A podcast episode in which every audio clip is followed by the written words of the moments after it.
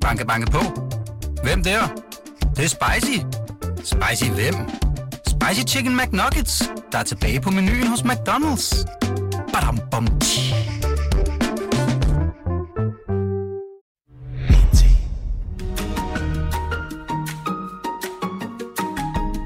Det er torsdag, og dermed endnu en gang tid til Q&K, det ugentlige mediemagasin sendt fra BT Studie i Pilestræde her i det indre København. Mit navn er Henrik Kvartrup, og det er mig, som endnu en gang skal være din guide på denne tur gennem, hvad der rører sig i den danske medieverden. Og til dem, som gik rundt og troede, at diskussionen om MeToo i mediebranchen ville være et forbigående fænomen, ja, så må man bare sige, at det blev heller ikke i denne her uge, at snakken stoppede.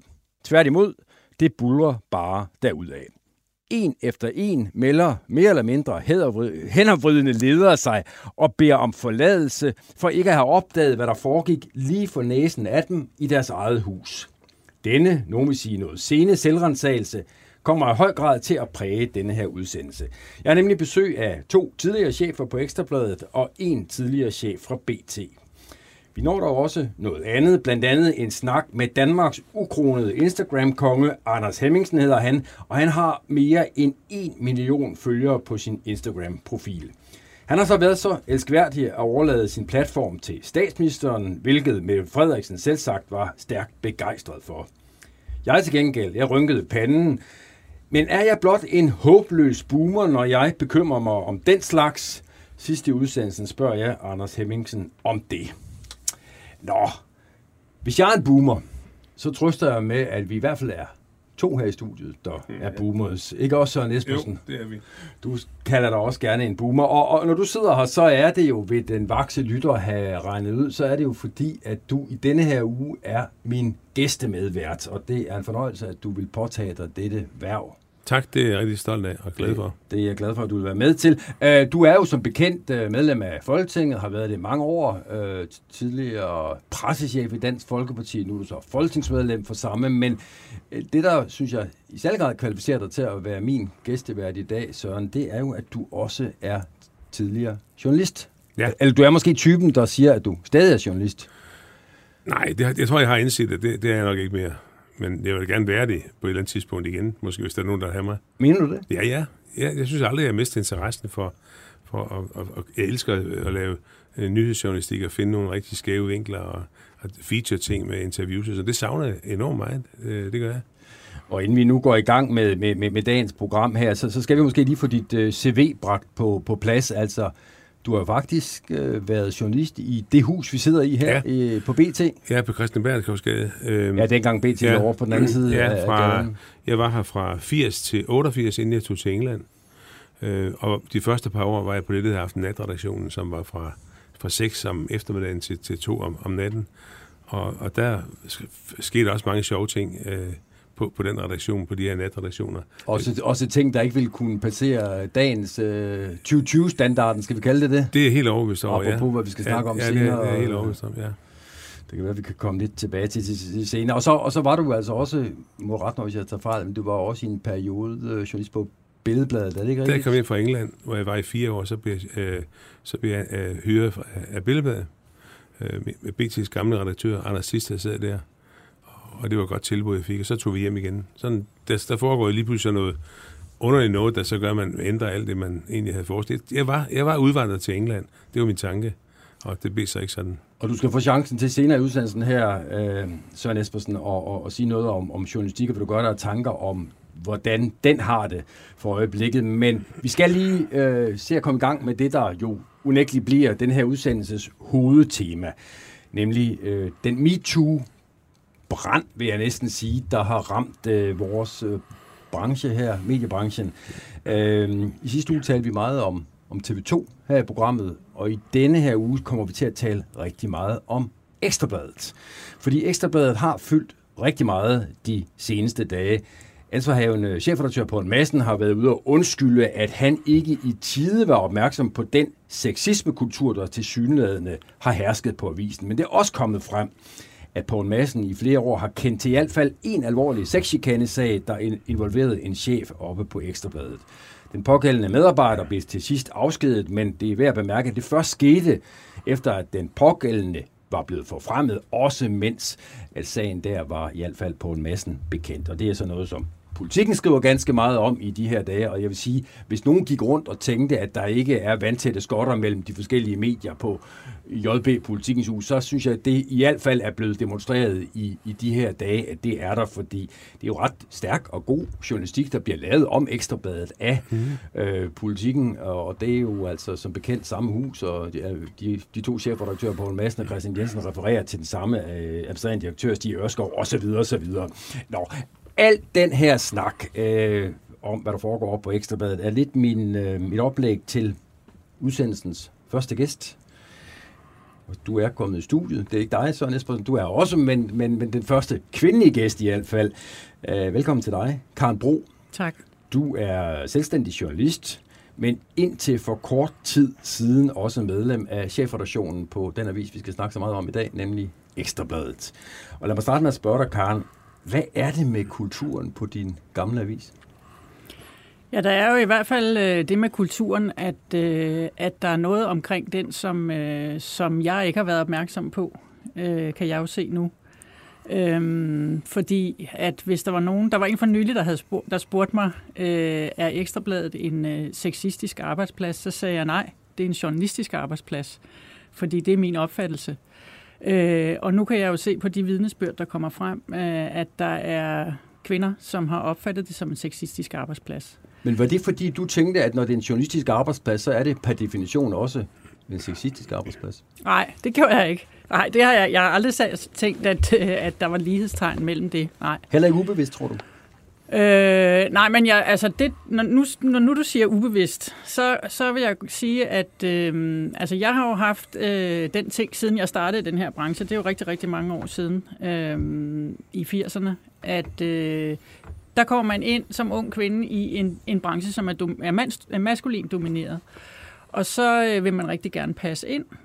Og så tror jeg, at min generation var ikke ret god til at stille spørgsmålstegn ved, øh, hvordan jargonen var man lærte jargonen.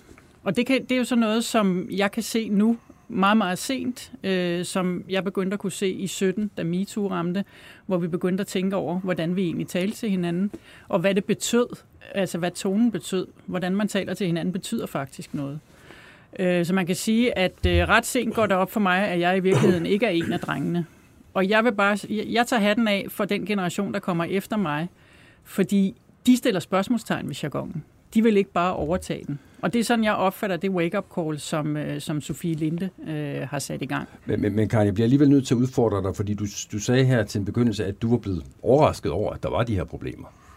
Øh, altså, var du døv og blind? Altså, mener, du var på en arbejdsplads, hvor der var sager, hvor, hvor, hvor kvinder, kvinder og kvinde imellem talte om, at der var chefer der, der, der, der, der, og, og ledende medarbejdere, der agerede uhensigtsmæssigt. Hvorfor så du ingenting? Jamen altså, man må jo bare sige, at, øh, at der, er jo, der er jo ting, som man som chef øh, ikke får at vide, ikke ser, ikke hører. Øh, og det gælder øh, for så vidt også, det kan jeg se, det også gælder tillidsfolk. Og derfor så, øh, så kan jeg jo se, at når jeg har haft den naive tro, at man, man siger, øh, min dør står altid åben, kom ind, det er bare ikke nok. Og det er også derfor, at jeg har, altså jeg har været ude at sige i den her forbindelse, jeg tror, det er rigtig, rigtig vigtigt, at man erkender, at øh, det her det er ikke nødvendigvis noget, man som leder af en journalistisk arbejdsplads, eller for så vidt andre arbejdspladser, selv kan håndtere.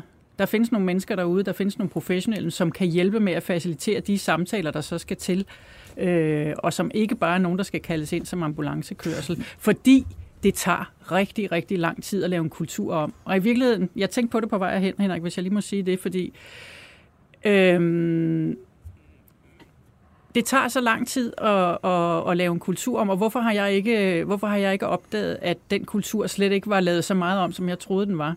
Jeg var på Ekstrabladet første gang tilbage i øh, midt-90'erne, og der synes jeg, jeg synes ikke, det var ret sjovt at være der dengang, på grund af kulturen, men det handlede meget om, at der var en drukkultur. Der blev drukket rigtig meget på arbejdspladsen. Og det, øh, det havde jeg svært ved at dele med. Så da jeg kommer tilbage til Ekstrabladet langt senere, så er der virkelig sket noget der er blevet taget hånd om den kultur, og der er blevet ændret, og det vil sige, der blev, var der også blevet ændret meget måden, man talte på. Og måske har jeg i virkeligheden også været for benovet over, at man var kommet så langt at jeg så ikke så, at man ikke var kommet langt nok. Det er noget, jeg lige tænkte på på vejen men, men. Men har, har du ikke også som tidligere leder, og dengang du var leder især jo selvfølgelig, i en forpligtelse til så at undersøge, om de kvinder, der er længere nede end dig i hierarkiet, går rundt og har det godt? Jo, jo, man har, der, der er der masser af forpligtelser, som, øh, som, øh, som jeg heller ikke har været med til at leve op til. Altså, jeg... jeg øh, jeg skulle da, jeg, jeg, når jeg tænker tilbage nu, synes jeg, at jeg skulle have været bedre til at sætte omgangstonen på dagsordenen. Mm. Jeg kan ikke gøre det om. Nej. Men man kan i hvert fald gå ud nu og bakke op omkring dem, som har mod til at stå frem og sige, vi har oplevet det her, og vi synes ikke, det var godt nok. Men må jeg ikke lige spørge dig, øh, Karen Bro, fordi mens du er på Ekstrabladet, der sætter du jo faktisk ligestilling og MeToo på, på dagsordenen. Ja. Der, der skrives om det i Ekstrabladet, der, øh, må du rette mig, men jeg husker det sådan, der bliver indkaldt til øh, møder, og der bliver øh, altså arrangementer i Ekstrabladets navn om netop det. Og du sagde, det startede i 2017. Det er jo netop i 2017, at vi i hvert fald i de her dage kan, kan læse os til, at den første sag opstår, der gives en, en skriftlig advarsel til en, en konkret ledende medarbejder. Jeg må spørge dig, var du orienteret om det? Jamen det kan jeg ikke svare på, Henrik, fordi øh, det tilkommer ikke mig at sidde og kommentere her på, på personsager, som, øh, som hidrører min tid som Men det kan jeg godt forstå, og, det, og det, det skal jeg selvfølgelig respektere, men, men jeg, jeg tænker bare på, vidste du det? Du behøver gå ind i den konkrete sag, men, men var du orienteret om, at der, var en så, at der eksisterede sådan en sag? Jamen, det, det, svaret er det samme. Altså, jeg, jeg, jeg kan ikke sidde og gå ind i, øh, i sager, som, øh, som har personlig karakter, Nej. som er fra min tid som leder på Ekstrabladet. Men, Men jeg kan sige, at den, den, det, du refererer til i forhold til MeToo og til ligestilling, altså det er nogle kampagner, vi havde. Metafilm kom og spurgte også på Ekstrabladet øh, et år efter MeToo ramte, nemlig i 18, øh, om vi ville være med til at lave en kampagne. Og den kampagne handlede om, det var Meta Forlagers idé, som handlede om, nu skal vi altså ikke slippe den, nu skal vi holde fast, fordi nu er der et forum, hvor vi kan tale om de her ting, og hvor tingene kan komme på bordet. Det var det, det sagde vi dengang. Men og nu, jeg, og nu kan vi se, nu kan vi se det, bare for at mm. sige, hvor lang tid det tager at ændre en kultur. Dengang var jeg så naiv, at jeg tænkte, så kommer tingene, så kommer der ting frem. Og så går der to år, og så kommer Sofie Linde på banen og viser os, at det tog meget længere tid at ændre en kultur, og det tog meget længere tid at forstå, hvad det egentlig handlede om, end vi troede. Men siger det her ikke også noget om os journalister og vores evne til at se indad, når historien er lige for øjnene af os? Altså, jeg mener, der i 17, der snakkede vi alle sammen om, hvad der foregik på Centropa. Vi for, talte om, hvad der foregik selvfølgelig over i USA og, og alt muligt. Men mand og mand imellem talte man jo også om, hov, hvad, hvad er det lige, der sker her i den danske mediebranche? Men ingen satte sig rigtigt for at undersøge den sag før. Netop nu, hvor Sofie Linde så tager den op. Altså, hvad er forklaringen, Karen Bro, på denne vil jeg tillade mig at sige, kæmpe undladelsessynd? Jamen, jeg tror meget, det hænger sammen med det, at, man, at, øh, at øh, jeg og andre chefer tænker, at når man siger en større åben, om man skal komme, når der er noget, øh, så, øh, så, når der så, ikke, når der så ikke kommer noget, så regner man med, at så er den nok god nok. Og det er jo, kan man sige, det er jo den naivitet, øh, som, øh, som nu bliver blotlagt. Og det er selvfølgelig ikke godt nok, men altså, det er jo godt, det, der sker noget nu. Din, altså, din, din uh, tidligere kollega i chefredaktionen på Ekstrabladet, Poul Madsen, har været ude i dag og sige undskyld. Vil du også sige undskyld?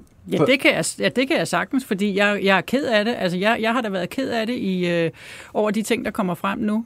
Øhm, og, øh, og når man har det sådan, at man bliver ked af at høre noget, og man synes, man kunne have gjort det bedre, så synes jeg, det er det samme som at sige, at det, det er jeg ked af, det vil jeg gerne undskylde. Men, men, men, men det, der, det, der ville være endnu værre, og hvad man ville skulle undskylde endnu mere for, det var, hvis man ikke nu gjorde noget. Mm. Altså for mit vedkommende, nu jeg, jeg arbejder jo ikke i en organisation mere, men jeg kan i hvert fald øh, støtte op omkring det ved at, øh, at tale om de her ting, ligesom jeg taler øh, med dig om det nu, og også prøve at se fremad, hvad der, kan, hvad der kan gøres nu, fordi nu skal den i hvert fald ikke tabes en gang til. Nej. Og specielt ikke fordi, at der er kvinder, øh, som står frem. De kvinder, som står frem og fortæller, åbent om, hvad de har oplevet. Det gør de jo ikke for sjov.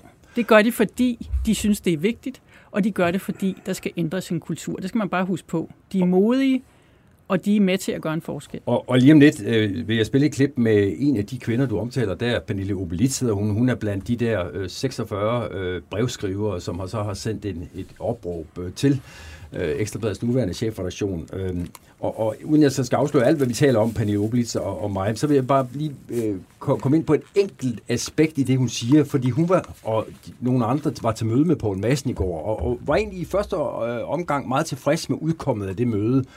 Men så siger hun også til mig, Ja, men vi har også en eller anden tro på, at det måske bare er snak.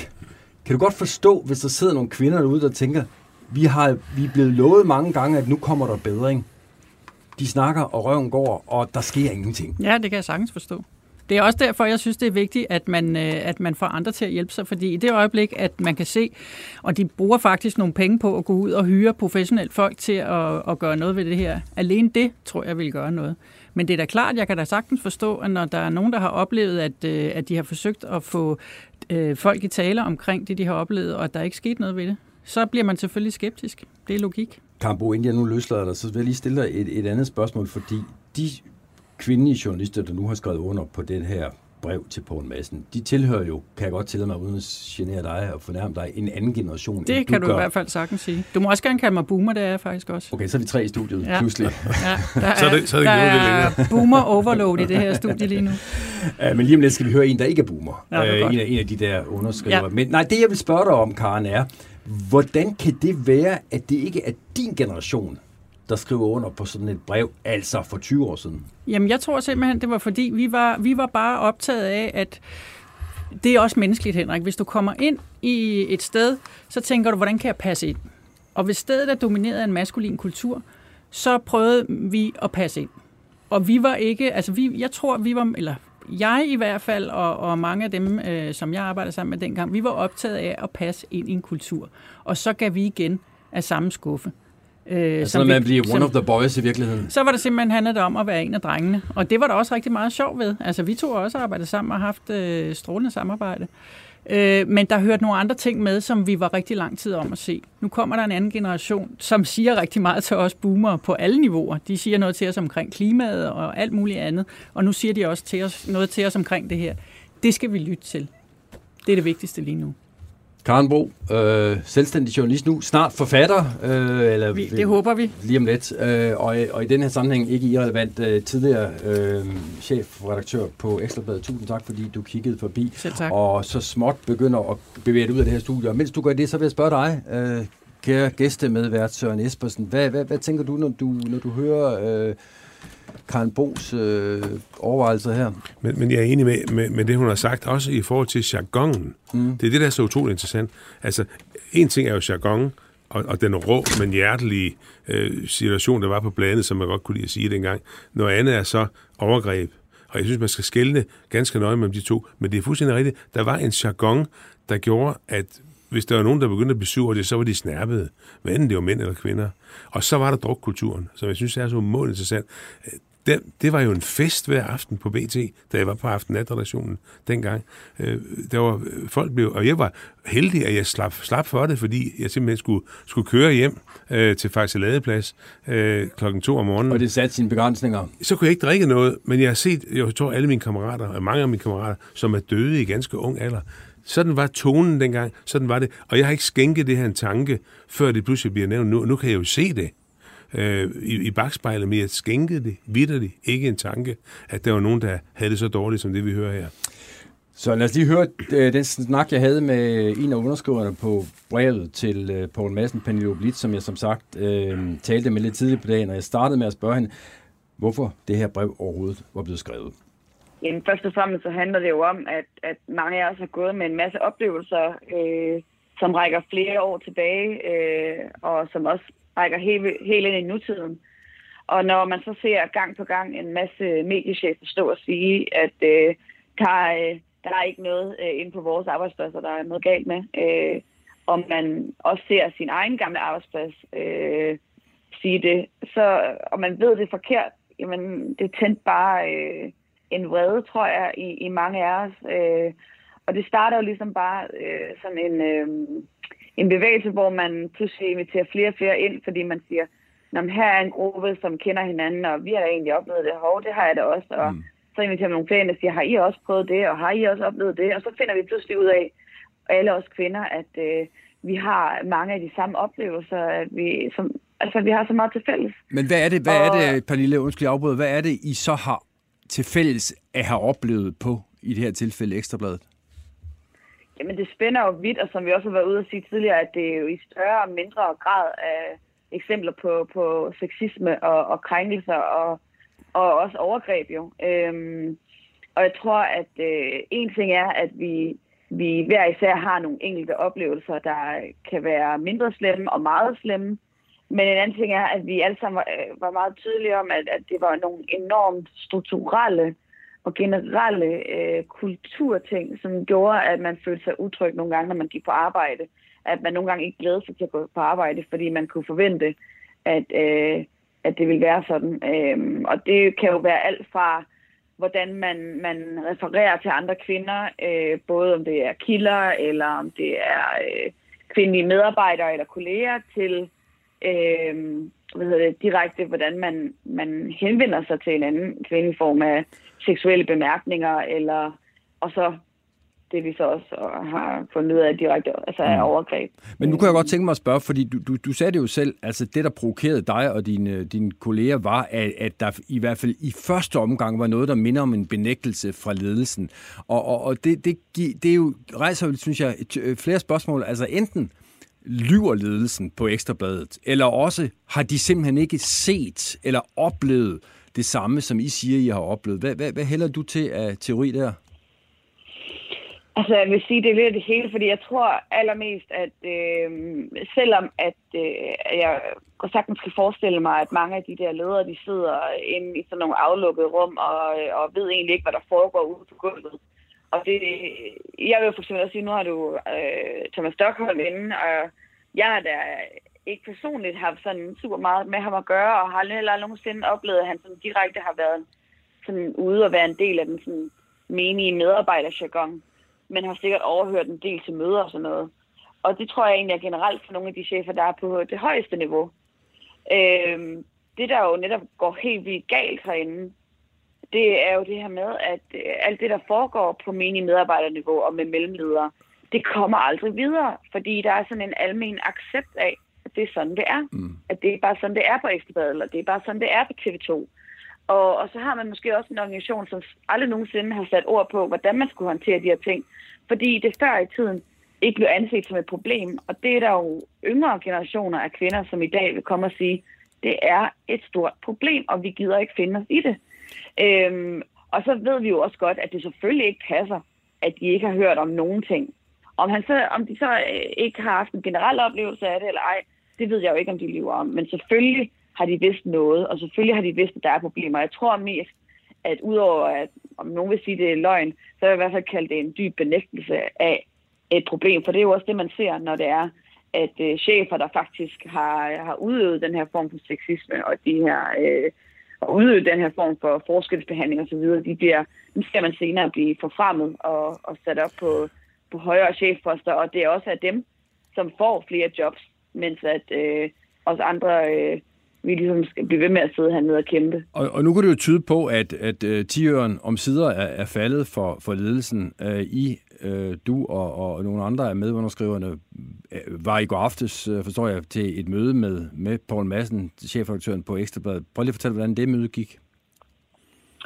Jamen, altså, jeg tror, at den generelle opfattelse af mødet, øh, hvor vi fik en uforbeholden undskyldning, og øh, han ligesom, Poul Madsen ligesom forklarede øh, nogle specifikke ting, der var blevet sat i gang, så, og, og vi på en eller anden måde efterfølgende havde en, en, en okay følelse med, med mødet, og at man ligesom er afvendende i forhold til at se, hvad, hvad der siver ind, og hvad der konkret kommer til at blive gjort.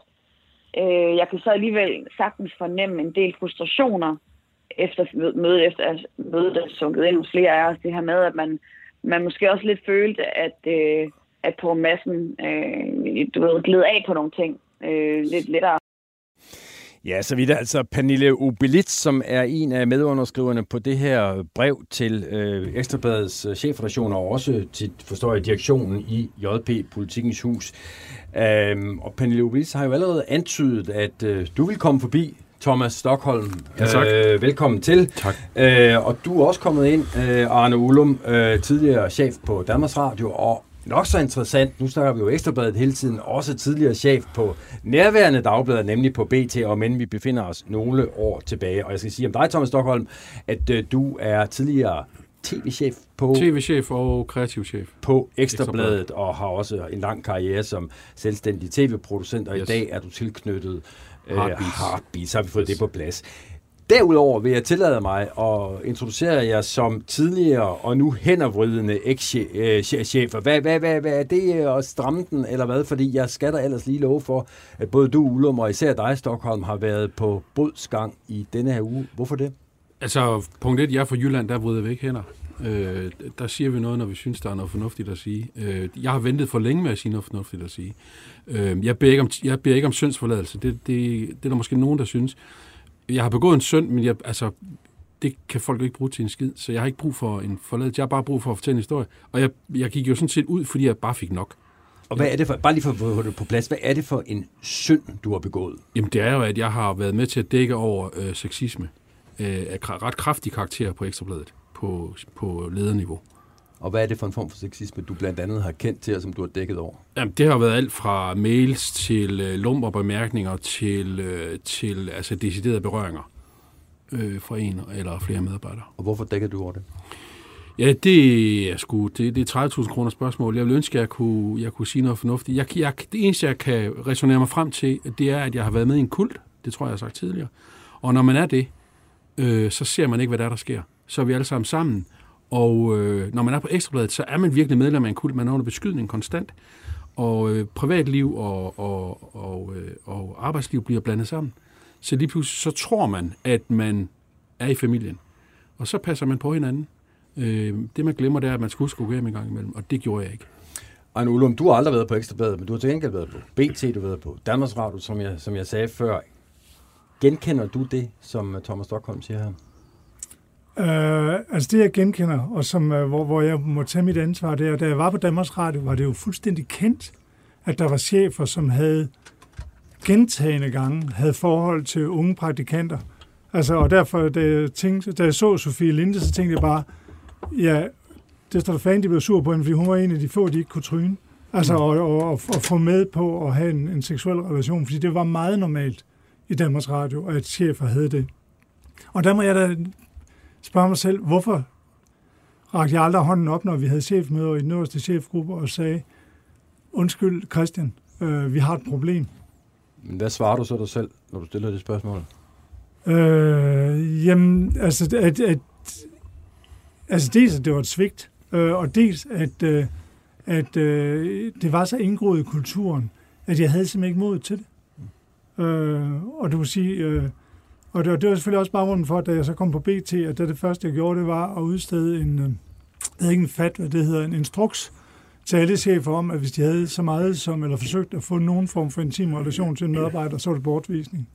Og det var lige for at undgå den der med, at man så skulle ud og give en advarsel. Så det var bortvisning. Men, tror, men, tror du, det hjælp, hvis du nu skal være helt ærlig? Ja, det er jo, altså, jeg vil blive meget, meget, meget overrasket, hvis der er nogen, der kan komme med en BT-chef, som efter, øh, der, da vi udstedte den, øh, kan komme og sige, at der er nogle chefer på BT, der har gjort noget som helst. Men, men, Men, und, jeg, og jeg, jeg, så kommer mig lige- svigtet. Ja, ja, Fordi så stoppede det jo der, at den der sådan generelle øh, sexisme, du kan sige, som dels består i, at den der generelle tone af, at der bliver i tale sat en enorm stereotyp kvinder- og mandsopfattelse i generelle termer, men også af, at der var medarbejdere, som helt klart overskred grænser i forhold til andre medarbejdere.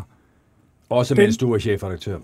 Ja, altså, og, øh, og, og den øh, reagerede altså jeg er simpelthen ikke overfor. Jeg er ikke i tvivl om, at min øh, medchefredaktør, Tina Christensen, som øh, var en, en meget, meget stærk leder, at når hun var der, så, så blev kulturen bearbejdet. Og vi, altså, men, men vi gik aldrig ud og tog det der åbne og sagde til medarbejderne, prøv at høre her, vi har et problem her, fordi der foregår det her, mm. og det er ikke i orden, og det må man ikke, hvis man vil være på BT. Den, øh, den tog vi aldrig, og altså, jeg må bare sige, at det var simpelthen en fejl og et svigt, fordi vi så ikke, vi så alle de stærke kvinder, som bare øh, trynede de der lidt for kække typer, og dem, der ikke kunne finde ud af grænserne. Altså sådan, i virkeligheden en Karen Bro-type, ikke? Øh, som ikke var så var på ekstrabladet, men som er sådan symbolet på den der stærke kvinde, som der ikke er nogen mænd, der skal med rundt med, tror jeg ikke. Øh, og, øh, og så, og dem så vi ikke, at, at der sad nogle... Øh, det, var dem, vi, det var dem, vi så, og det var dem, vi hørte. Vi hørte ikke de kvinder, der sad og var stille og bare led under den der kultur.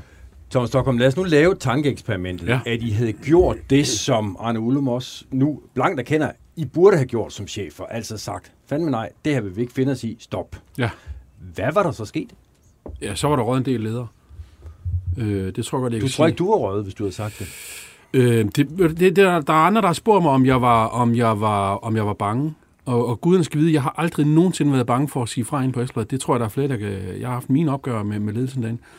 Øh, jeg, det var simpelthen bare en ikke... Den vej gik jeg ikke nedad. Hvis jeg havde været lige så optændt af alle mulige andre emner, som jeg kunne skændes med Poul Madsen og andre ledere om derinde. Men så gjorde det, for jeg, jeg gjorde det... Jeg, sagde ikke, jeg, jeg holdt mig ikke tavs, fordi jeg var bange. Jeg har aldrig været bange for at miste mit arbejde. Jeg har altid sagt, så kan jeg skulle blive postbud. Så det er ikke derfor. Jeg tror simpelthen, at det var, det var for mig en fem år lang fest. Øh, og jeg har elsket 99 procent af min tid på Ekstrabladet. Jeg kunne bare overhovedet ikke se, hvad der foregik for øjnene af mig. Og når jeg så det, så lukkede jeg dem. Og når jeg hørte det, så, så kiggede jeg den anden vej. Hvad nu, hvis jeg øh, sagde til jer, at det her, det tangerer en gratis omgang, nu hvor alle er enige om, at MeToo er et kæmpe problem i mediebranchen, så melder Thomas Stockholm og Anders Ul- Arne Ullum sig. Prøv, det, det synes jeg faktisk er helt fair. Og jeg har også hørt mm. betegnelser som, når fanden går i kloster, og, og vi hygler, og vi skal i syrebad, og så fremstår vi renset bagefter. Øh, man kunne også prøve at vente om at sige, at øh, der er måske, nu er der så Arne og jeg, der har, undskyld modtrykket, nos og nok til at gå frem og sige, at øh, det er sgu noget lort, det vi ikke har gjort, det vil vi gerne sige undskyld for. Jeg havde jo i min naivitet, kan jeg så godt sige i dag, en uge efter jeg har jeg trådt frem, øh, og Arne, det har været fem dage siden, fire dage siden, jeg havde håbet på, at der kom nogle flere mænd. Jeg havde fandme håbet på, at der er kommet nogle flere medieledere, som har sagt, fair, vi hører, hvad I siger, vi skulle med jer. Øh, altså det, vi hører i dag, det var sådan noget med, jeg vidste ikke, det foregik, øh, det er jeg ked af, at der ikke var nogen, der kom og fortalte for os noget. Jamen er det ikke det, Poul Madsen gør nu, hvor han siger undskyld? Jo, Så han er, ham kan vi tælle med på holdet nu, eller hvad? Hvorfor tror du, Poul Madsen siger undskyld nu? ja, fordi han er presset. Han kan jo ikke sige andet. Han kan jo ikke blive ved med at sige, at det ikke eksisterer. Det sagde han for tre uger siden. Der var ingen problemer. Øh, Det sagde de så øvrigt også på TV2. Det er jo ikke kun Poul Madsen og Ekstrabladet der. Det er jo alle mulige andre steder, hvor man jo startede med at sige, vi mener ikke, der er et generelt problem hos os. Så blev det til, at man havde nogle sager. Så blev det til, okay, der er så mange kvinder, så har vi måske et problem. Og så blev det så til, men de problemer, vi har haft, dem har vi håndteret efter bogen. Men det er bare ikke nok. Altså, det, de ikke har set, det er, altså, der rejste sig the fucking perfect storm derude. Altså, sandstorm kom bare blæsende. Og det eneste, de står med, det er HR-håndbogen og siger, alt er foregået efter bogen. Og så er det bare sådan, så er det altså de 10 forkerte kaptajner, der står på dæk lige nu. Ullum? Men altså, mit motiv for at gå frem, fordi at du, altså, det- for mig er det ikke noget, altså, det, er, fordi du kan ikke vaske det af dig. Det er et ansvar, Nej. Du må tage med dig i graven. Øh, men det var, at jeg synes simpelthen, det blev for uværdigt, at det der støttebrev til, til Sofie Linde, den beskrivelse, der var der, vidste vi jo. Altså alle, der har været i mediebranchen, medmindre man har været på en eller anden lille medie, hvor man har haft en anden kultur, har vidst, at det der brev, det var spot on korrekt. Mm. Måske kan man sige, øh, de underdrev lidt, hvad Ja. ja. der egentlig var foregået. Ja. Ja. Og så synes jeg bare, det var fuldstændig hammerende uværdigt, at de blev mødt af, jamen nu må vi lige undersøge, om det er rigtigt, det I skriver. Det, det synes jeg simpelthen bare var for usygt. Men, men Arne, du kender jo DR indefra. Hvad er det for nogle mekanismer, der går i gang i ledelseslaget, når der kommer sådan nogle beskyldninger som nu den, dem her? Jamen, der går jo sådan et, øh, et institutionsbyråkrati øh, i gang. Øh, og det synes jeg også, man kan se af. Og hvad at- betyder det? Jamen, det betyder, at øh, jamen, vi må Allerede have en undersøgelse, og vi må tage højde for forvaltningsloven. Og, altså, at der kommer sådan en hel masse juridiske termer. Og det, og det her handler ikke om jura. Det her handler om, Mm. at der er en generation af kvinder, som siger, I svigtede os. Og så vil de i virkeligheden, øh, som punkt et, tror jeg gerne vide, at de er blevet hørt. Vide, at, øh, at ja, I har faktisk ret. Og de har ikke brug for 37 paragrafer fra forvaltningsloven. De har brug for, for anerkendelse og handling. Øh, fordi jeg hører heller ikke, at, at det store initiativ, det handler om, at nu skal alle øh, sønderne stilles op og skydes, men de vil se handling. Mm. Og derfor tror jeg bare, at hvis ikke vi erkender, hvad vi ikke så, så kommer vi ikke til at se det. Heller ikke i fremtiden. Hvad skal der til, tror I, for at den her vrede, som er der nu, blandt kvinderne, Mm. især de yngre kvinder, Mm. at den lægger sig? Skal der nogle skal der, skal der offres nogle, Ja. ja. nogle chefer? Hvad Ja. skal der til? Jeg tror, vi, jeg tror desværre, eller det kæmper jeg lidt med, om nogen skal outes, altså om vi skal sætte navn på, eller om de krænkede skal sætte navn på. Men jeg tror, at vi er så langt i processen nu. Der gik simpelthen for lang tid, før nogen kom på banen. Øh, Det, det var der flere årsager til, men den måde, som de fleste kom på banen, altså medieledere kom på banen, det var, at de jo faktisk talte til de her kvinder, som om de var til et redaktionsmøde. Altså når man kan sidde og sige, at øh, praktikanter, det var nogen, vi indtil for få år siden, det var nogle af de gamle tog sig her på avisen. Eller der findes ikke udbredt sexisme, så er det bare sådan, hvem er det, I taler til? Altså, hvad er det for en virkelighed, I taler ud i? Så jeg tror, det synes jeg, jeg kan se, det, det, det nærmer sig, at man begynder at sætte navn på. Øh, bliver det kønnere af det? Nej. Er det det, der skal til? Ja, det tror jeg faktisk. Er du enig i det, Søren Espersen? Altså, der skal navne på bordet. Nogen vil sige, at der er nogen, der skal øh, fyre simpelthen. Det, det, der er vanskeligt ved det, jeg forstår godt, hvad, hvad Thomas siger, men det, der er svært ved det, det er jo, at, at det er stadigvæk for en påstand mod en påstand, mm. meget af det. Og, og ved, ved at sætte navne på og gøre det i offentligheden, så har man jo afsagt dom. Og, og det, det er altså en utrolig øh, svær øh, balancegang, som jeg i hvert fald vil, vil advare mod. Øh, det er jo... Det, man, man det, er jo... det, jeg er helt med på den her balancegang. Jeg er bare nødt til at sige, at, at, at hvis jeg havde været på Ekstrabladet i dag, øh, og... Øh, og øh, jeg fik at vide, at øh, 1100 kvindelige ansatte i Folketinget og diverse ministerier havde været udsat for, for chikanerende handling. Så havde vi jo flået hele Slottholmen fra hinanden som journalister, og så havde vi stillet de ansvarlige til de har simpelthen klasket dem op af væggen med det, navn. Den er også begyndt, den diskussion på Christiansborg. Og, det er det. Og det er vel i virkeligheden også det, jeg fisker lidt efter. Fordi en ting er jo at afde de konkrete, øh, gamle, ulækre grise, der siger upassende ting til mm. de mhm. kvindelige journalister. Noget andet er at så holde de chefer til regnskab, som har ansvaret for, at det har kunnet foregå. Mm. Er det det, vi mangler? Jamen, altså, jeg, jeg synes, man er nødt til at sondre imellem altså chefer, der har dækket over direkte overgreb. Og der, i den kategori må jeg altså sige, at når en øh, chef på højt niveau øh, lægger hårdt pres på en praktikant, så er det i mine øjne et overgreb. Men det er, det, og så er der jo sådan af. Men jeg tror bare, at hvis det her det bliver et fokus på at oute nogen, så, bliver det, så kommer vi lige præcis over i forvaltningsloven. Og, Nå, men så glem, glem og, og det, lad os glemme det med at oute dem, der er altså synder, det, der er men, for, men de er ansvarlige. Det, det, der er brug for nu, det er, at der kommer en klar udmelding om, ja, I havde ret, det er det her, der er foregået mm. i skiftende omfang. To, klar udmelding om, hvad er de nye regler. Så også så, de, øh, så, så, så vi ikke lige pludselig får en masse, der bliver offret øh, øh, fremadrettet uretmæssigt. Og så konsekvent handling. Men, men jeg tror, mange kan undre sig over, og nu skal jeg skynde mig at sige, at jeg har tilbudt Poul Madsen, at han kunne være med i den her udsendelse, mm. det har han ikke ønsket.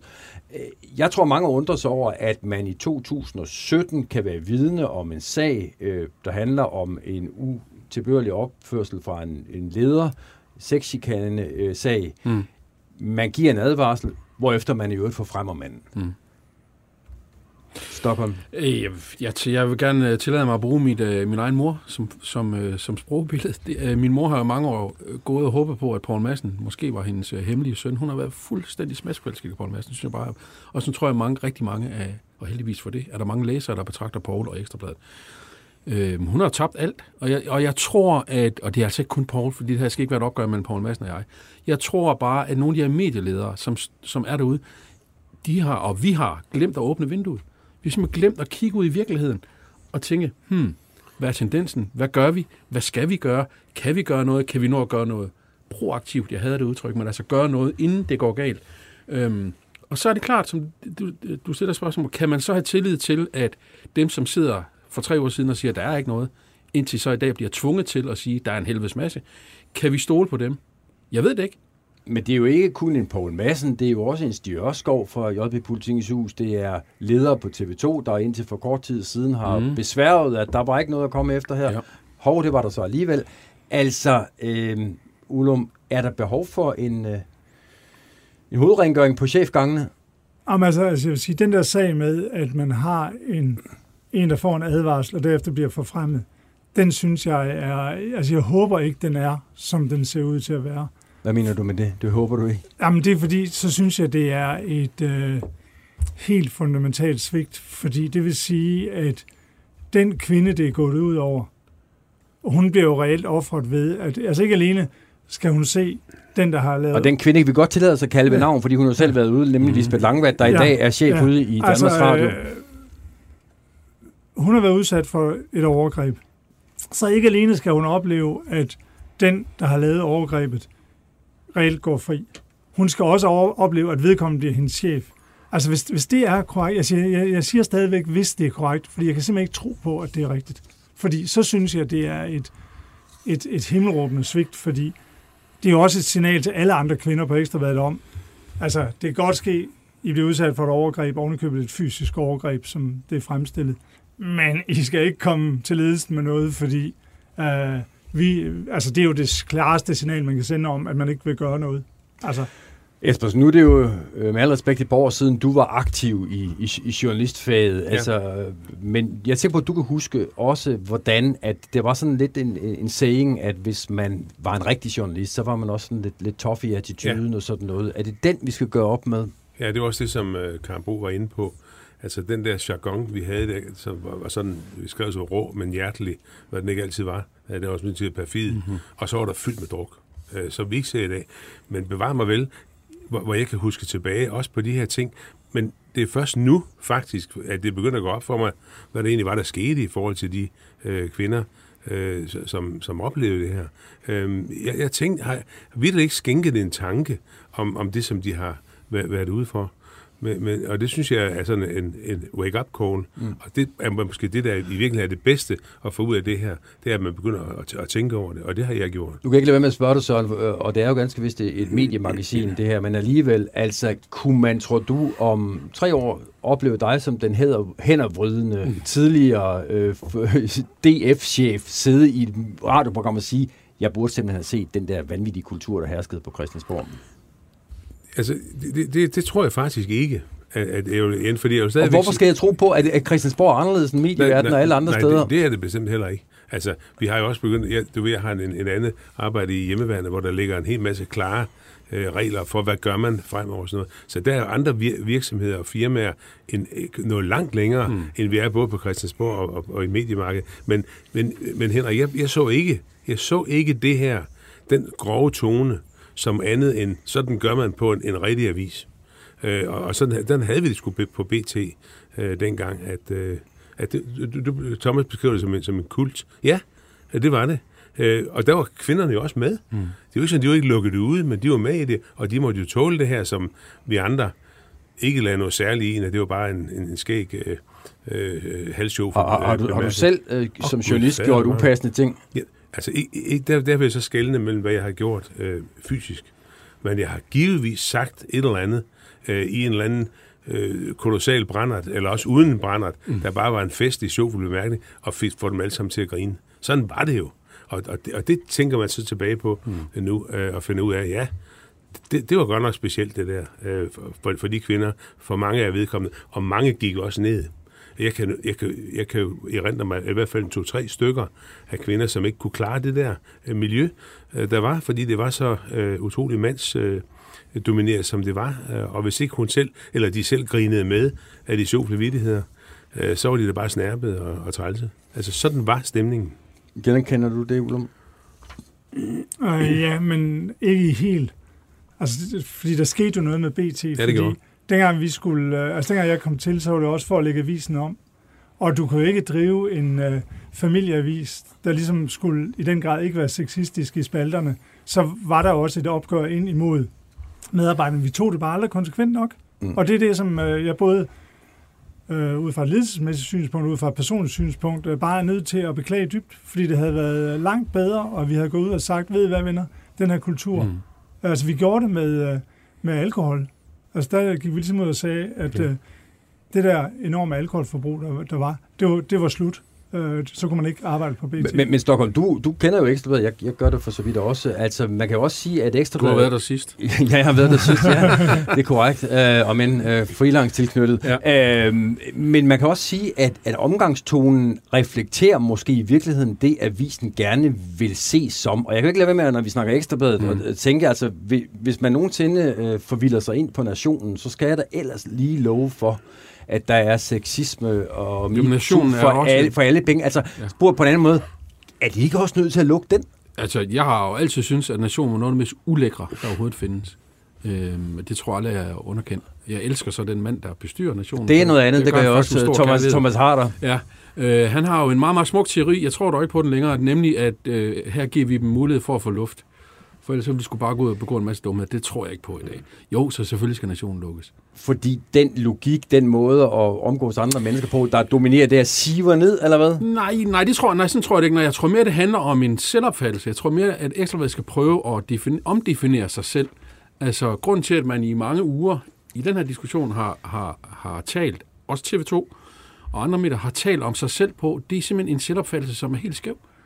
Altså, man har troet, man var mere. Altså, man har simpelthen troet, man betød mere i det omkringliggende samfund. Og der er jeg bare nødt til at sige, men jeg tror, man skal, som medie skal man tænke sig rigtig godt om nu, hvordan man taler til og med både sine medarbejdere, men ikke mindst også til sin omverden. Men, men, men der er ingen tvivl om, altså hvis Ekstrabladet vil gøre op med sexismen, så kan de jo ikke fortsætte med at udstille kvinder på side 9 og sælge dem på side 32 til 36. Altså, man kan ikke tjene så mange penge på prostitutionsannoncer, og så sige, at man tager et opgør med sexisme. Det mener jeg simpelthen er dybt utroværdigt. Den tager vi med Paul Madsen på et tidspunkt, når han måtte lægge vejen forbi i Q&K her. Tak til dig, Thomas Stockholm. Tak fordi jeg måtte komme. Øh, fornøjelse, at du var her. Også tak til dig, Arne Ulum. Og inden jeg helt slipper dig, Arne, så skal jeg lige prøve dig på en enkelt ting, fordi nu har vi fået en undskyldning fra Thomas Stockholm, vi har fået en undskyldning fra Karen Bro. Får vi også en fra dig? Jamen altså, jeg vil da ubetinget undskylde over for de medarbejdere, som led under, at vi ikke greb ind over for den sexistiske kultur på BT. Og i øvrigt alle de andre steder, jeg har været. Så tre, Så- gange, tre gange undskyld jeg i dag i det her radiostudie. Det er da meget godt gået. Ja, Ja. altså, men, men så ved jeg ikke, hvor meget folk kan bruge det til. Altså, jeg mener, vi skal ikke tro, at fordi vi har sat undskyld, så er ansvaret væk. Sådan, er, sådan fungerer verden ikke. Det er noteret. Tak skal I have, fordi I kiggede forbi.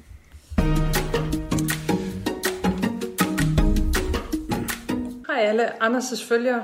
Jeg har brug for din hjælp, og jeg har brug for jeres hjælp, fordi smitten med covid-19, den stiger igen i Danmark, og det er, det er alvorligt. Øhm, selvom man er ung, så kan man godt øhm, få nogle rigtig alvorlige sygdomsforløb med covid-19, og der er jo det med den her øh, virus, at man kan også komme til at give den videre til nogle af dem, der risikerer at dø af den. Så Espersen, er du en Instagram-bruger? Nej, men det bliver jeg, fordi det har jeg fået at vide, det skal man, ellers er man, er man helt ydt. Og du ved godt, når man siger det på den måde, så er man indbegrebet af en boomer, ikke? Det, det, ved, jeg- det ved jeg godt. øh, ja, ja.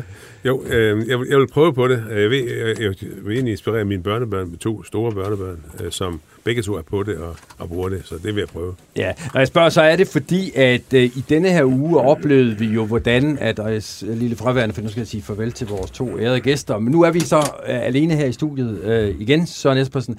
I denne her uge oplevede vi, øh, hvordan at øh, statsministeren, Mette Frederiksen, øh, gik ud og talte direkte til sine, øh, ja, nogen vil sige vælgere, men i hvert fald til, til mange unge mennesker, øh, da hun fik lov til at benytte øh, Instagram-fænomenet Anders Hemmingsens øh, Instagram-profil til det øh, formål. Og der hørte jeg altså med i billedet, sådan at øh, denne her øh, mand, øh, Anders Hemmingsen, han har tæt på 1,1, svimlende 1,1 million følgere på, øh, på Instagram. Hvad tænker du om, at, øh, at hun pludselig optræder der, Mette Frederiksen? Jeg bliver ikke, jeg bliver ikke forarvet over det, for jeg synes, hun valgte det rigtige medie.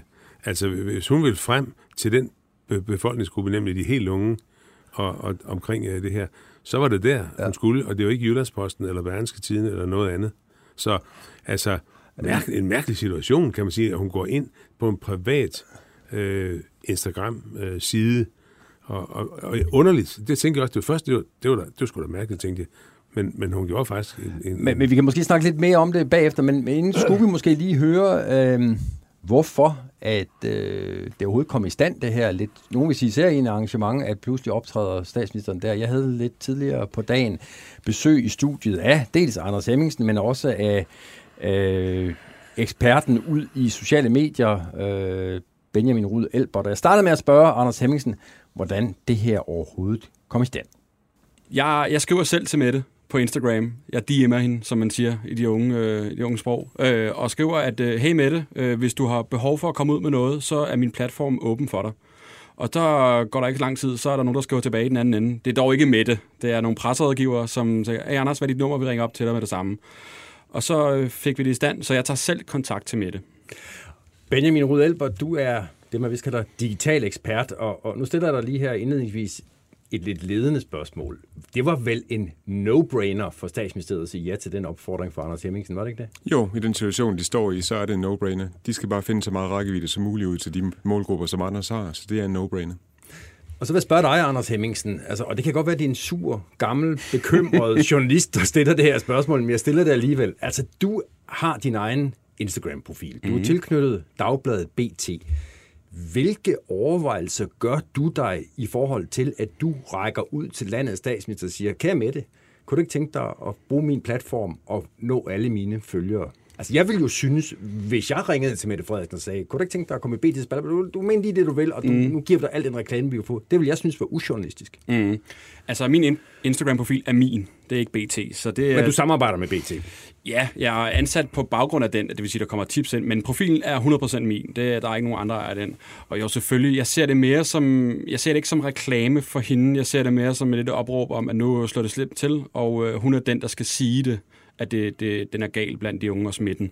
Så om det er reklame for Mette, det ved jeg ikke. Jeg synes mere, det var et, et, et, sådan et vagtigt vejr om, at nu er smitten høj blandt de unge. Og de unge er hos mig, så jeg synes, det var oplagt at, at ligesom bruge profilen til det. Og Benjamin, jeg antydede jo allerede i mit spørgsmål til Anders Hemmingsen, at det kan være, det er mig, som tiden er løbet fra. Er det det? Ja, det er det. Det skal altså, du kvalificere. Det, jamen, det, er nødt, det er nødt til at sige, at uh, det er, uh, altså medievirkeligheden har bare rykket sig, uh, og det har den fra, at uh, ja, hun havde sindssygt mange seere på sit første pressemøde, da hun lukkede landet, men uh, siden der har de kæmpet med rækkevidde og med at komme ud til, til alle mulige mennesker og alle mulige målgrupper. Og der er hun nødt til bare at forstå, at mediebilledet det er simpelthen så fragmenteret, så hvis man skal ud til dem, så er der en satellit, der er den vigtigste på Instagram til de unge, og den satellit hedder Anders Hemmingsen, og den er, det er ikke et journalistisk produkt. Det er ikke noget, hvor man skal stille en kritiske spørgsmål. Det er en, øh, det er en platform, som ikke underlægger sig hverken reklameregler eller journalistiske, øh, øh etiske øh, retningslinjer osv. Det, det, det er et helt produkt for sig. Hemmingsen, jeg så, at du, tror du engang i sommer, gav et interview til Politikken. Og der sagde du noget i retning af, at, at du fik nærmest dagligt opfordringer fra diverse øh, organisationer om, om de ikke nok kunne få lov at bruge øh, din Instagram-profil som, som øh, platform som, som til det, hvad de nu måtte mene, og du altid sagde nej. Hvad er det, der gør, at du ser anderledes på at tale med statsministeren? Det er også svært. Det er virkelig svært at vælge, hvad, hvad er rigtigt og forkert i det her. Nu synes jeg bare, at det her var meget nært os, og der var noget, der stod til blandt de unge her hjemme i Danmark. Så det var lidt et mere nært forhold, øh, og jeg tænkte, at det, det, vil jeg, det vil jeg gerne sige ja til, og det vil jeg gerne øh, være med til at hjælpe med at sprede ud. Men jeg får dagligt øh, beskeder fra organisationer, og det er, det er virkelig svært. Man føler sig som en dum svin, når man siger nej til nogen. Ikke? Men her, der synes jeg alligevel, det var noget andet. Men hvis jeg nu, igen måske som gammel mand, spørger til, hvordan du har det med at blive spændt for en politisk vogn, hvad vil du så svare? Jamen, det, jeg har ikke tænkt det i sådan noget politisk på den måde. Altså, jeg har tænkt, at nu tallene er høje blandt de unge, og det er det, der er budskabet. Hvad der ligesom er omkring andet, det må de selv lægge råd med. Jeg har, mit kommentarfelt er ret vildt mm. til det opslag. Folk er uenige, folk er enige, og det har jeg lavet være. Øh, folk skal lov til at diskutere det, og jeg blander mig ikke i debatten. De må have lov til at mene, hvad de vil. Men budskabet var for mig, at smitten er høj, tænk jer om. Benjamin, du, du kaldte det før, øh, gav mig ret i før, at det var en no-brainer for, for statsministeren at, at, at sige ja til Anders Hemmingsens øh, tilbud. Hvis du sådan skulle grædbøje, hvad er det så, en statsminister får mest ud af? Er det at optræde sådan nogle steder her, eller er det at optræde i det, vi kalder de klassiske medier? Øh, det kommer an på, hvem du gerne vil ramme. Altså, der er ikke nogen tvivl om, at øh, da, da landets moder stod frem på tv i den bedste sendetid på det første pressemøde, der var det tv, der var det vigtigste. Fordi det var hele formatet, at nu var der en, en tale til nationen. Øh, men nu er vi altså ude i... Øh, nu er vi ude af, at vi skal begynde sådan at sprede budskaber ud til nogle bestemte målgrupper. Og der, der går de øh, lidt mere kirurgisk til værks, og det, det er godt set. Øh, og det gør så også, at man kan så diskutere, om det er, om det er effektivt, fordi øh, hun stiller sig stadigvæk op på Anders Hemmingsens Instagram-profil og taler ligesom hun gør på tv. Hun kombinerer med lidt Øh, træls slash irriterende og hvad der Ej, Jeg synes, er. man kunne fornemme, at hun sådan havde justeret sit sprog en lille smule i forhold til, at det var unge, der skulle høre det. Ja, men uh, det er ikke uh, ung, ung lingo. Altså hun skulle måske også have spurgt Anders Hemmingsen, hvordan man taler til unge Det gjorde hun faktisk, eller det gjorde de også. De spurgte mig faktisk lidt til, hvordan skal vi sådan være? Altså skal vi være sådan hårde i tonen, eller skal vi være lidt mere ydmyge og sådan, prøv at høre, kan I godt lige please? Og der kom jeg med, altså, kom med lidt mere ydmyg øh, tilgang til det, og, øh, og, og tale meget i du-form, og ikke noget, jeg sagde netop til dem, at de ikke skulle lave det der berømte pressebillede, hvor der er et spor og et glas vand og sådan ting. Hold det håndholdt, gerne derhjemme. Og jeg vil give ret i, det bliver nok aldrig helt uh, ung slash, det bliver også lidt boomagtigt, hvis man gjorde det, men jeg synes alligevel, der er lidt forskel på det her, og så et pressemøde, et tv-indslag. Men jeg prøvede at guide hende den vej, som jeg tænkte var bedst. Umiddelbart enig, ja, men du har selv lagt et uh, skide godt klip op fra en norsk minister, som bare fuldstændig acer den. Altså, som, uh, som ved, hvordan man taler til unge, og, og har designet en helt tale ud fra, at han taler ung lingo. Og det, er, det kommer hun aldrig til. Og, og det, det klip, du refererer til, der, øh, taget på hukommelsen, øh, Benjamin, det er jo der, hvor, hvor en, en jordsminister refererer til, at der er nogen, der simpelthen har tabt en, en sommer, ikke? Jo. Og, og, og den gik jo fuldstændig viralt øh, her for, for, for nogle måneder siden. Der er vi ikke helt endnu i forhold til Mette Frederiksens indsats over hos Hemmingsen, eller hvad? Nej, og der kommer vi heller ikke, fordi det har, det har Mette Frederiksen ikke uh, kommunikations-DNA til. Så har hun så heldigvis kommunikations-DNA til noget andet. Altså til at stå skide godt på et pressemøde og, og folde hænderne som Merkel, ikke? Og det, det er så det, hun er god til. Og hun gør det også udmærket på Hemmingsens øh, profil her, og det er dejligt, at du trods alt har fået guidet hende lidt i den rigtige retning. men, men, men altså, vi har jo også i det her program siddet og talt om, øh, jeg og, og skiftende gæster, det her med, at statsministeren foretrækker at kommunikere hvis hun har et lidt mere voksen publikum for budskabet, kommunikerer i aftenshowet, God aften Danmark, God morgen Danmark. Er det, vi ser her, ligesom øh, pangdangen til de bløde sofaer øh, i God aften og, og God morgen, bare myndet på et øh, yngre publikum? Ja, det kan man godt sige, det er. Og det er også derfor, jeg siger, at i den bløde sofa hos Anders Hemmingsen, så skulle man have endnu mere ung lingo, ikke? Det er så, hvad det er. Men, øh, men altså, i virkeligheden så er, muligheden for, altså om medieslice, det er bare blevet enormt stor efter, at der lige pludselig er så mange medier, så mange målgrupper. Altså, Anders ville kunne øh, belære os om, at der er 1000 målgrupper bare i den unge målgruppe. Altså, øh, der er så stor forskel på en på 13 og en på 12, øh, så man tror, det er løgn. Øh, og de har helt forskellige øh, altså mediefragmenter, de, de, de færdes i. Så hun skal kunne mestre mange flere medier, og, og, og hun skal gøre endnu mere. Hun skal slice det endnu mere ud i en masse medier for at nå alle mennesker. Hun skal nå min 4-årige, min 10-årige, min 8-årige, min 13-årige osv. Ikke? Vi er der ikke helt endnu, Hemmingsen, men, men det var jo ikke altså, så længe som det har varet, før vi står foran et kommunalvalg, senere et øh, folketingsvalg. Hvilke overvejelser gør du dig om, hvordan du kunne tænke dig at blive brugt, nogen vil sige misbrugt i den sammenhæng? altså, øh, jeg tager ikke imod bestillingsopgaver på den måde, hvis et parti kommer og siger, det har jeg faktisk også prøvet. Nogen, der skriver, hey, øh, det her det er da ret sjovt, er det ikke det? Og så er der egentlig en skjult agenda ved det. Og det er nogenlunde til at lure. Så, så jeg holder mig helt objektiv og ikke blander mig i noget. Men hvis der dukker et sjovt klip op eller noget andet, så er det da klart, at, øh, at det kan komme forbi profilen. Men det er ikke mindet til, at man skal stemme på dem. Hvis jeg nu var øh, kampagnemedarbejder i et af de store partier, så tror jeg, jeg ville spekulere i at, at, at få lavet sådan nogle gåsøjne mm. sjove klip, som du kunne falde for. Er du bevidst om, at du kunne blive brugt den vej rundt?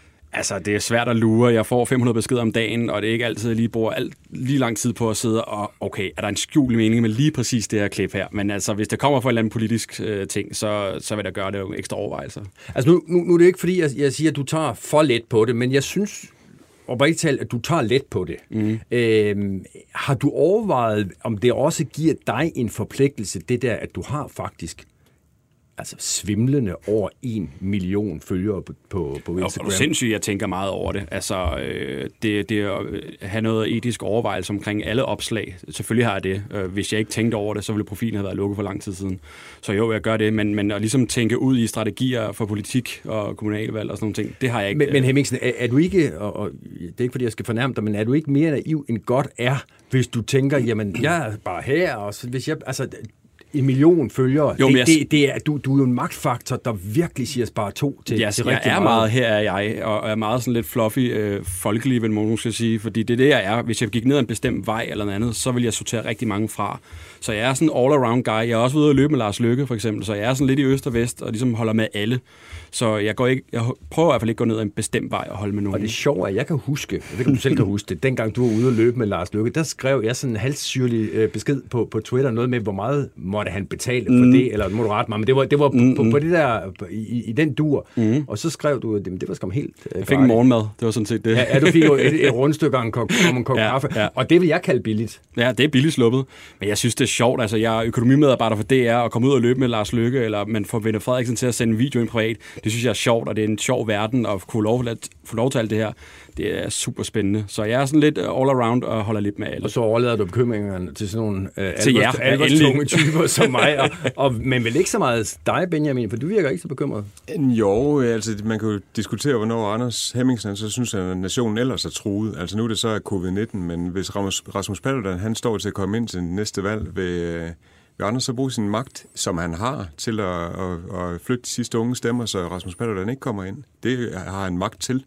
Det er et godt spørgsmål. Mm, det vil jeg ikke. Altså, jeg, jeg, igen, jeg holder mig ude for alt det her, og, og øh, det, det vildeste, jeg lavede for nylig, det var, at jeg lavede en indsamling til nogle piger, der havde mistet nogle æg ved en vejbåd. Det er sådan noget, der vi er i mit univers. Det er sådan lidt mere... Øh, Men Hemmingsen, hvordan kan du sige, at du holder dig ude af alt det her, når du har givet talerør til den tidligere statsminister og til den nuværende statsminister faktisk to gange. Er det så ikke lidt flot at sige, at du holder dig ude af alt det her? Jo, men, men altså, okay, jeg løb en tur med Lars Lykke, men det her tænker jeg bare med Mettes video her, den er til de unge mennesker og smittefar, det tænker jeg er, er okay at, at, at, at kaste sig over. Øh, så, så mere ud af det heller ikke, men jeg synes, det her det passer godt ind i formatet. Benjamin, hvor meget mere kommer vi til at se sådan noget her? Jamen, vi kommer til at se politikere, der også spekulerer i, om de kan komme på Anders Hemmingsens profil. Altså, vi kommer til et kommunalvalg, hvor øh, på et tidspunkt var der en byrådspost, der blev afgjort der, og man havde 42 eller 43 stemmer ude i Kalundborg. Altså, hvis jeg kan, som lille bitte kandidat ude i Kalundborg øh, Kommune, hvis jeg kan blive øh, øh regrammet på øh, Anders Hemmingsens profil, eller lave noget sjovt, jamen, så er der vundet jackpot. Altså, så øh, det er helt fantastisk. Så det begynder de også at spekulere i, og de, de laver sjove ting for at gøre det. Og så skal jeg lige her til sidst, øh, uh, Hemmingsen, spørge dig, for du var lidt inde på, at, at der, der, der er sket noget interessant nede i, i kommentarfeltet den her gang, fordi uh, hvis hun havde satset på, Mette Frederiksen, at det var fuldstændig unison opbakning til budskabet, så er hun blevet klogere, ikke? Mm, jo, det synes jeg. Altså, øh, men ja, kommentarfeltet er noget andet, end hvad det var, i hvert fald også for det første opslag, hvis man kigger tilbage. Altså, man kan godt se, at folk er, er blevet trætte af at være spadet inde, og de har ligesom lidt nu. Så kommentarfeltet er lidt vildere, end det var på det første. Det er ret sjovt og interessant at se udviklingen på det, ikke? Øh, hvordan det ligesom er, er kørt af. Ja, det var altså her øh, Anders Hemmingsen i en diskussion med, øh, eller en snak med Benjamin Rude Albert. Jeg skal måske lige sige, at øh, det er altså en mand, der har 1,1 million følgere. Jeg ved ikke, hvor mange har du, Søren, på Instagram? Jeg er slet ikke med på Instagram. Okay, jeg kan så for egen regning sige, at jeg har lige rundet de øh, 700, så jeg har også okay. et stykke vej der, øh, deroppe endnu. Men altså, du kan godt høre, jeg prøver sådan lidt mm. at, at lægge sådan en lidt bekymret, lidt kritisk... Øh, tone i forhold til Hemmingsen over, at han lader Mette Frederiksen komme ind. Men, men det, det er vist lidt boomeragtigt at se sådan på det, ikke? Jo, altså jeg vil sige, nu er det jo ham, der fik ideen, ideen ja. og tog initiativet. Hvis det andet havde været, hvis det var social, eller hvad hedder det, Socialdemokratiet eller regeringen, der havde gjort, så havde jeg måske set mere alvorligt på det. Men her har vi jo en sag, hvor vi ved, at dem, der er, er smittespredere øh, i stor stil, det, det er de unge, øh, og det er dem, man gerne vil tale med. Det synes jeg er en helt ekstraordinær situation øh, hvor jeg ikke kan blive farvet over det, hvor hun, vil, hun vælger øh, en, et medie, hvor hun får held med det her, og jeg ved ikke, hvad får han ud af det. Det tror jeg ikke, han får noget ud af. Altså, jeg, Nej, og så hører det jo også med til billedet af den diskussion. Hvis man så tænker, at det her, det her det er ubetinget til Mette Frederiksens fordel, så, så er der jo måske sket det siden foråret, at hvis man ser på kommentarsporet, ja, ja. så er der også mange, Nå, der er ganske kritiske over for regeringens altså, måde at håndtere det på. Ja, hun var jo gud i, i, i marts. Det er helt sikkert. Hun kun sådan en lille hal, halvgud, men hun er alligevel en, en, en røst, som de unge lytter til. Det ved jeg af erfaring øh, fra, fra min egen øh, familie. Men nu kunne jeg godt tænke mig at spørge dig, Søren. Altså fra en gammel journalist til en anden gammel journalist. Hvad tænker du om, at det den mest effektive måde at kommunikere til i hvert fald den gruppe af danskere på, det er at bruge et medie, som